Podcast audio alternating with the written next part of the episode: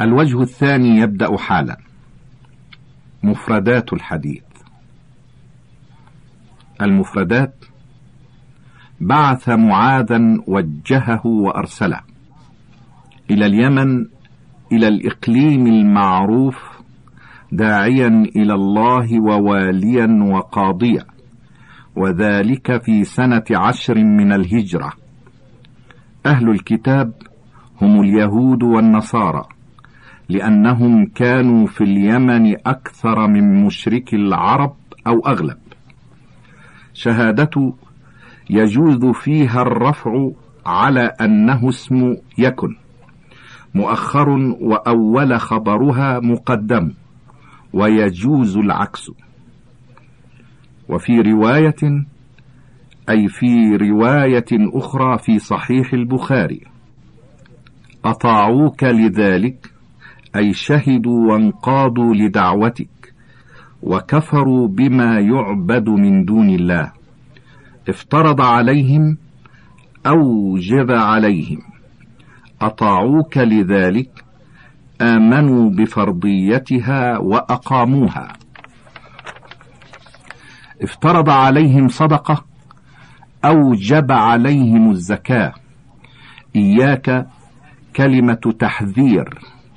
وكرائم منصوب على التحذير جمع كريمة وهي خيار المال ونفائسه. اتق دعوة المظلوم احذرها واجعل بينك وبينها وقاية بفعل العدل وترك الظلم. فإنه أي الحال والشأن ليس بينها وبين الله حجاب أي لا تحجب عن الله بل ترفع إليه فيقبلها. أخرجاه أي أخرجه البخاري ومسلم في الصحيحين. ومعنى الحديث إجمالا أن النبي صلى الله عليه وسلم لما وجه معاذ بن جبل رضي الله عنه إلى إقليم اليمن داعيا إلى الله ومعلما رسم له الخطة التي يسير عليها في دعوته فبين له أنه سيواجه قوما أهل علم وجدل من اليهود والنصارى ليكون على أهبة لمناظرتهم ورد شبههم. ثم ليبدأ في دعوته بالأهم فالأهم فيدعو الناس إلى إصلاح العقيدة أولا لأنها الأساس فإذا انقادوا لذلك أمرهم بإقام الصلاة لأنها أعظم الواجبات بعد التوحيد فإذا أقاموها أمر أغنياءهم بدفع زكاة أموالهم إلى فقرائهم. مواساة لهم وشكرا لله. ثم حذره من أخذ جيد المال لأن الواجب الوسط. ثم حثه على العدل وترك الظلم لئلا يدعو عليه المظلوم ودعوته مستجابة. ومناسبة الحديث للباب أن فيه أن أول ما يدعى إليه شهادة أن لا إله إلا الله وإرسال الدعاة لذلك. ما يستفاد من الحديث؟ اولا فيه مشروعية إرسال الدعاة إلى الله. ثانيا فيه أن شهادة أن لا إله إلا الله أول واجب وهي أول ما يدعى إليه الناس.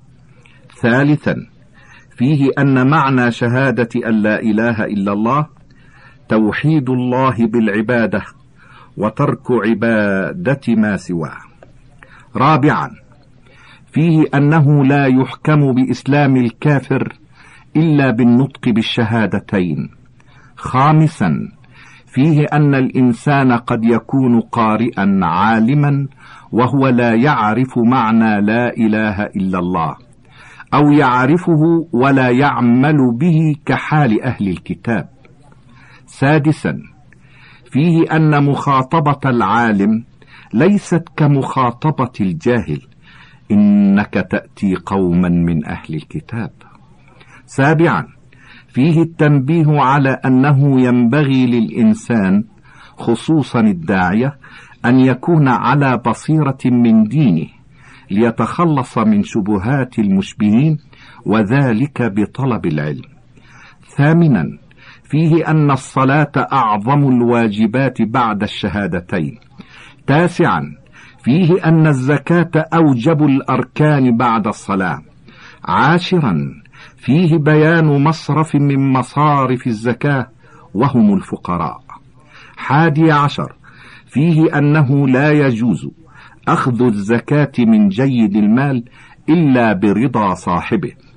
ثاني عشر فيه التحذير من الظلم وأن دعوة المظلوم مستجابة ولو كان عاصيا. ولهما عن سهل بن سعد رضي الله عنه أن رسول الله صلى الله عليه وسلم قال يوم خيبر لأعطين الراية غدا رجلا يحب الله ورسوله ويحبه الله ورسوله. يفتح الله على يديه فبات الناس يدوكون ليلتهم. أيهم يعطاها؟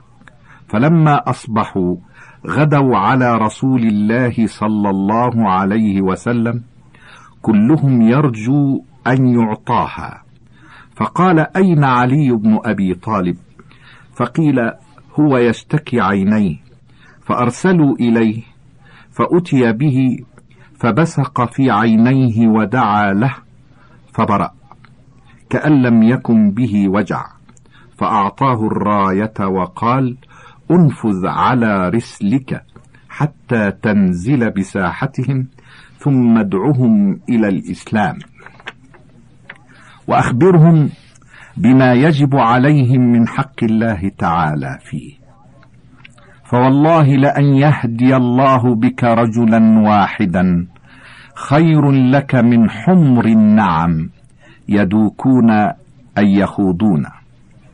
راوي الحديث وسهل بن سعد بن مالك بن خالد الأنصاري الخزرجي الساعدي صحابي شهير مات سنة ثمان وثمانين هجرية وقد جاوز المئة. المفردات. ولهما أي البخاري ومسلم في صحيحيهما. يوم خيبر أي يوم حصار خيبر سنة سبع هجرية. الراية علم الجيش الذي يرجعون إليه عند الكر والفر.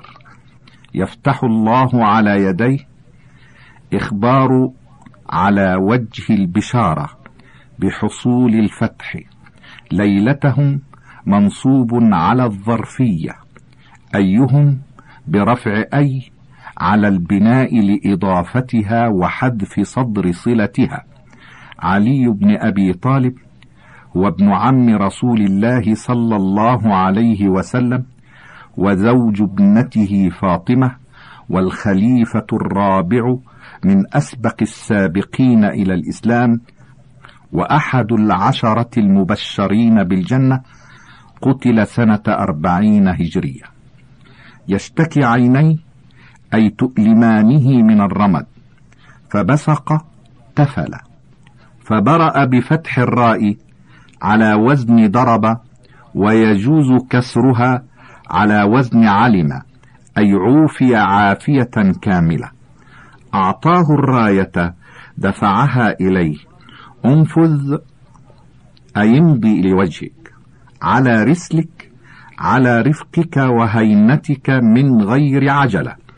بساحتهم فناء أرضهم وما قرب من حصونهم. إلى الإسلام. الذي هو معنى الشهادتين وهو الاستسلام لله بالتوحيد والانقياد له بالطاعة. وأخبرهم إلى آخره أي أنهم إن أجابوك إلى الإسلام الذي هو التوحيد فأخبرهم بما يجب عليهم بعد ذلك من حق الله في الإسلام من الصلاة والزكاة والصيام والحج وغير ذلك.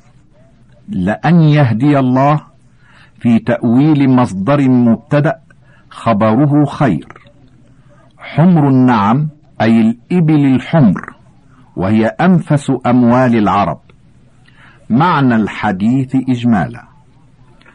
أن النبي صلى الله عليه وسلم بشر الصحابة بانتصار المسلمين على اليهود من الغد. على يد رجل له فضيلة عظيمة وموالاة لله ولرسوله. فاستشرف الصحابة لذلك. كل يود أن يكون هو ذلك الرجل. من حرصهم على الخير. فلما ذهبوا على الموعد طلب النبي صلى الله عليه وسلم عليا وصادف أنه لم يحضر. لما أصابه من مرض عينيه؟ ثم حضر فتفل النبي صلى الله عليه وسلم فيهما من ريقه المبارك فنزل ما يحس به من الألم زوالا كاملا وسلمه قيادة الجيش وأمره بالمضي على وجهه برفق حتى يقرب من حصن العدو فيطلب منهم الدخول في الإسلام فإن أجابوا أخبرهم بما يجب على المسلم من فرائضه ثم بين صلى الله عليه وسلم. لعلي فضل الدعوة إلى الله وأن الداعية إذا حصل على يديه هداية رجل واحد فذلك خير له من أنفس الأموال الدنيوية. فكيف إذا حصل على يديه هداية أكثر من ذلك؟ مناسبة الحديث للباب. أن فيه مشروعية الدعوة إلى الإسلام الذي هو معنى شهادة أن لا إله إلا الله وبيان فضل الدعوة إلى ذلك. ما يستفاد من الحديث؟ اولا فيه فضيلة ظاهرة لعلي بن أبي طالب رضي الله عنه وشهادة من الرسول. صلى الله عليه وسلم له بموالاته لله ولرسوله وإيمانه ظاهرا وباطنا. ثانيا فيه إثبات أن الله يحب أولياءه محبة تليق بجلاله كسائر صفاته المقدسة الكريمة. ثالثا فيه حرص الصحابة على الخير وتسابقهم إلى الأعمال الصالحة رضي الله عنهم. رابعا فيه مشروعية الأدب عند القتال وترك الطيش والأصوات المزعجة التي لا حاجة إليها. خامسا فيه أمر الإمام عماله بالرفق واللين من غير ضعف ولا انتقاص عزيمة. سادسا فيه وجوب الدعوة إلى الإسلام لا سيما قبل قتال الكفار. سابعا فيه أن من امتنع من قبول الدعوة من الكفار وجب قتاله. ثامنا فيه أن الدعوة تكون بالتدريج فيطلب من الكافر اولا الدخول في الإسلام بالنطق بالشهادتين. ثم يؤمر بفرائض الإسلام بعد ذلك. تاسعا فيه فضل الدعوة إلى الإسلام وما فيها من الخير للمدعو والداعي. فالمدعو قد يهتدي والداعي يثاب ثوابا عظيما والله أعلم.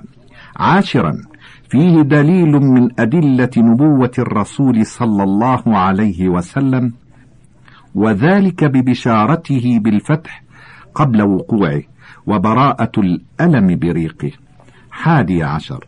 فيه الإيمان بالقضاء والقدر لحصول الراية لمن لم يسعى إليها ومنعها ممن سعى إليها.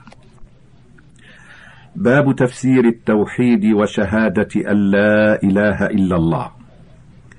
وقول الله تعالى أولئك الذين يدعون يبتغون إلى ربهم الوسيلة. أيهم أقرب ويرجون رحمته ويخافون عذابه؟ إن عذاب ربك كان محذورا مناسبة هذا الباب لكتاب التوحيد.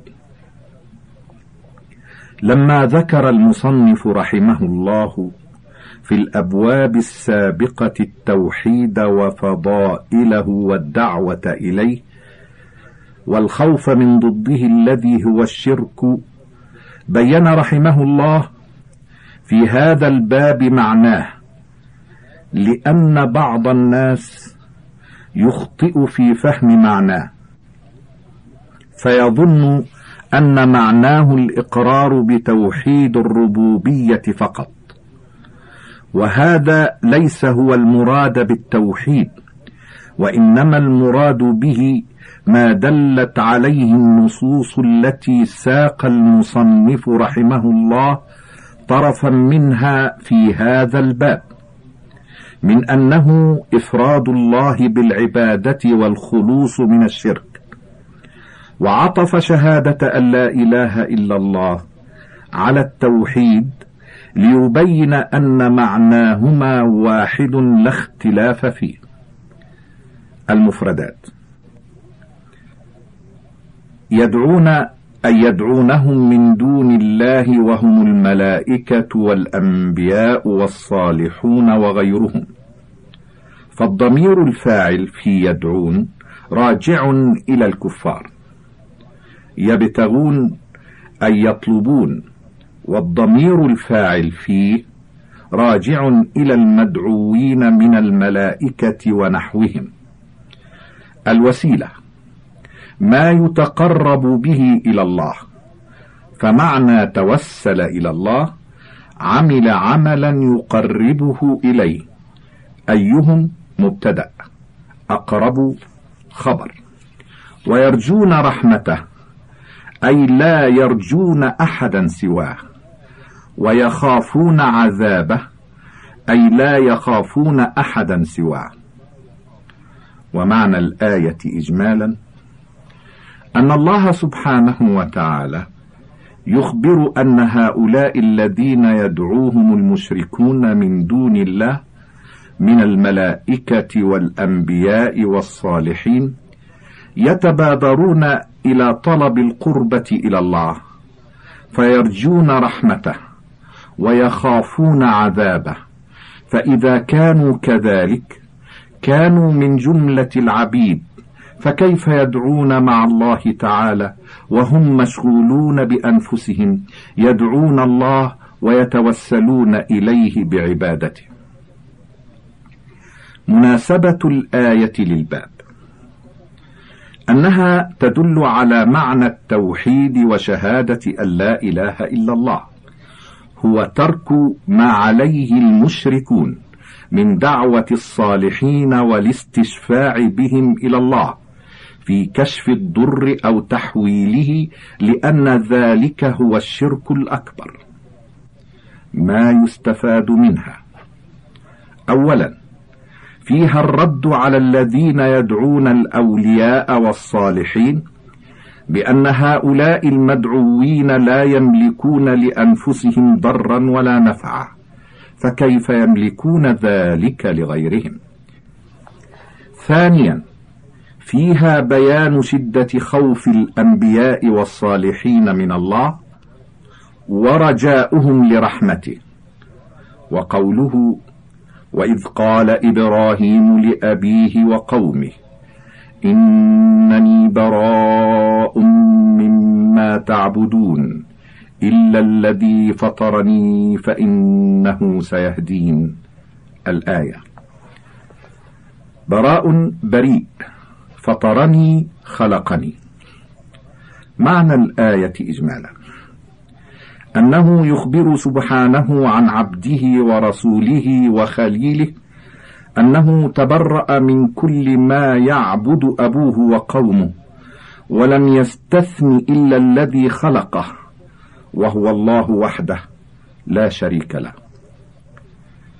ومناسبة الآية للباب أنها دلت على أن معنى التوحيد وشهادة أن لا إله إلا الله هو البراءة من الشرك وإفراد الله بالعبادة. فإن لا إله إلا الله تشتمل على النفي الذي عبر عنه الخليل بقوله إنني براء والإثبات الذي عبر عنه بقوله إلا الذي فطرني. ما يستفاد من الآية. أولا فيها أن معنى لا إله إلا الله توحيد الله بإخلاص العبادة له والبراءة من عبادة كل ما سواه. ثانيا فيها إظهار البراءة من دين المشركين. ثالثا فيها مشروعية التبري من أعداء الله ولو كانوا أقرب الناس. وقوله اتخذوا أحبارهم ورهبانهم أربابا من دون الله والمسيح ابن مريم وما أمروا إلا ليعبدوا إلها واحدا لا إله إلا هو سبحانه عما يشركون. المفردات. اتخذوا أي جعلوا أحبارهم أي علماءهم ورهبانهم أي عبادهم أربابا أي مشرعين لهم يحللون ويحرمون لأن التشريع من خصائص الرب. والمسيح ابن مريم أي واتخذوا عيسى عليه السلام ربا بعبادتهم له. سبحان الله وتعالى عما يشركون. تنزه وتقدس عن الشركاء والنظراء. معنى الآية إجمالا يخبر الله سبحانه عن اليهود والنصارى أنهم استنصحوا الرجال من العلماء والعباد. فأطاعوهم في تحليل ما حرم الله وتحريم ما أحله. فنزلوهم بذلك منزلة الرب الذي من خصائصه التحليل والتحريم كما عبد النصارى عيسى وزعموا أنه ابن الله فنبذوا كتاب الله الذي أمرهم فيه بطاعته وحده. وعبادته وحده. وهذا إخبار منه سبحانه. يتضمن إنكار ما فعلوه. ولذلك نزه نفسه عما يتضمنه هذا الفعل من الشرك به. ومناسبة الآية للباب أنها دلت على أن من معنى التوحيد وشهادة أن لا إله إلا الله إفراد الله بالطاعة في تحليل ما أحله وتحريم ما حرمه وأن من اتخذ شخصا يحلل ما أحله ويحرم ما حرمه فهو مشرك.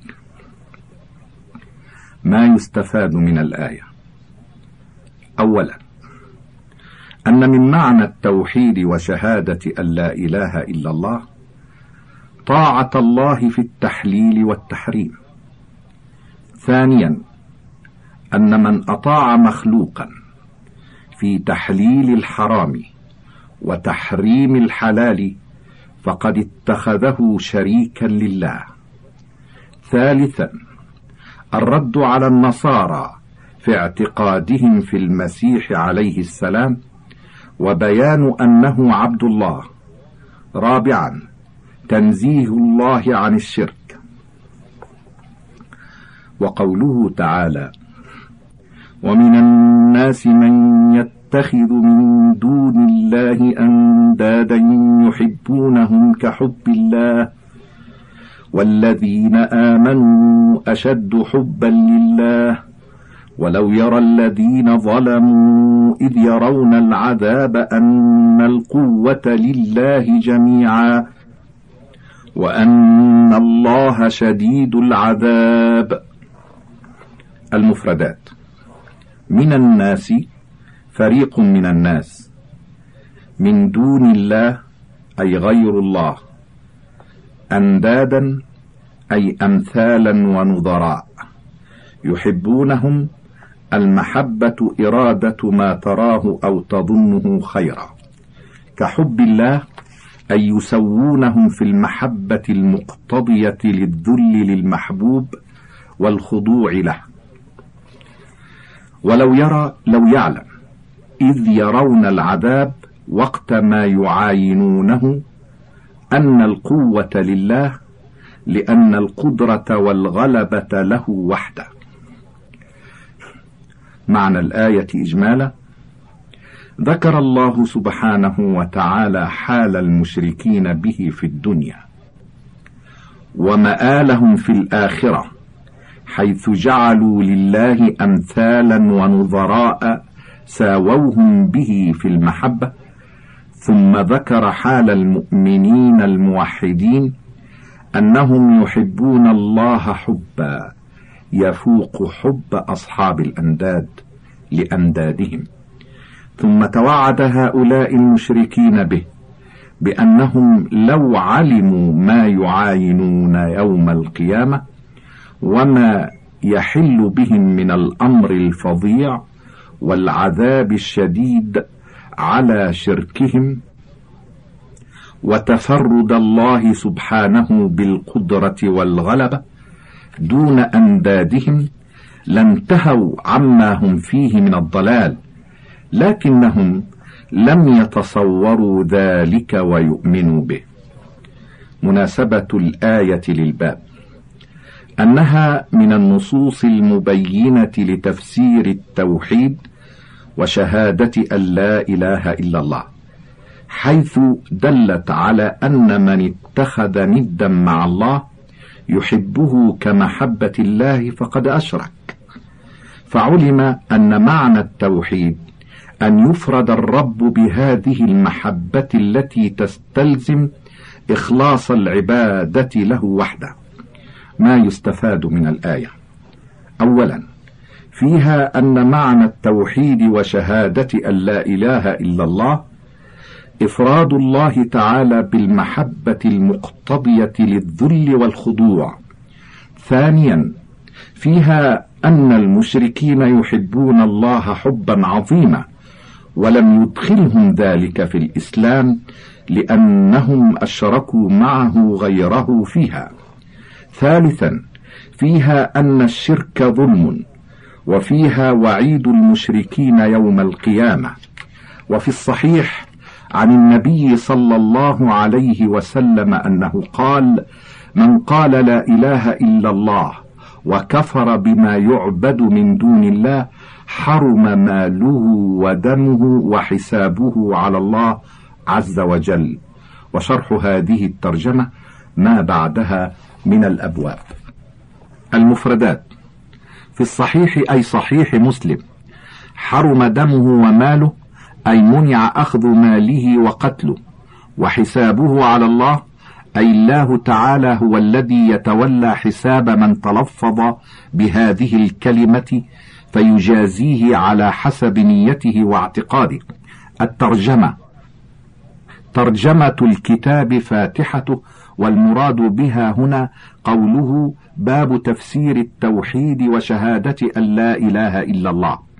معنى الحديث إجمالا يبين صلى الله عليه وسلم في هذا الحديث أنه لا يحرم قتل الإنسان وأخذ ماله إلا بمجموع أمرين. الأول قول لا إله إلا الله. الثاني الكفر بما يعبد من دون الله. فإذا وجد هذان الأمران وجب الكف عنه ظاهرا. وتفويض باطنه إلى الله فإن كان صادقا في قلبه جازاه بجنات النعيم وإن كان منافقا عذبه العذاب الأليم. وأما في الدنيا فالحكم على الظاهر. مناسبة الحديث للباب. أنه من أعظم ما يبين معنى لا إله إلا الله وأنه الكفر بكل ما يعبد من دون الله. انتهى الشريط الثاني من كتاب التعليق المختصر المفيد على كتاب التوحيد وله بقية على الشريط الثالث.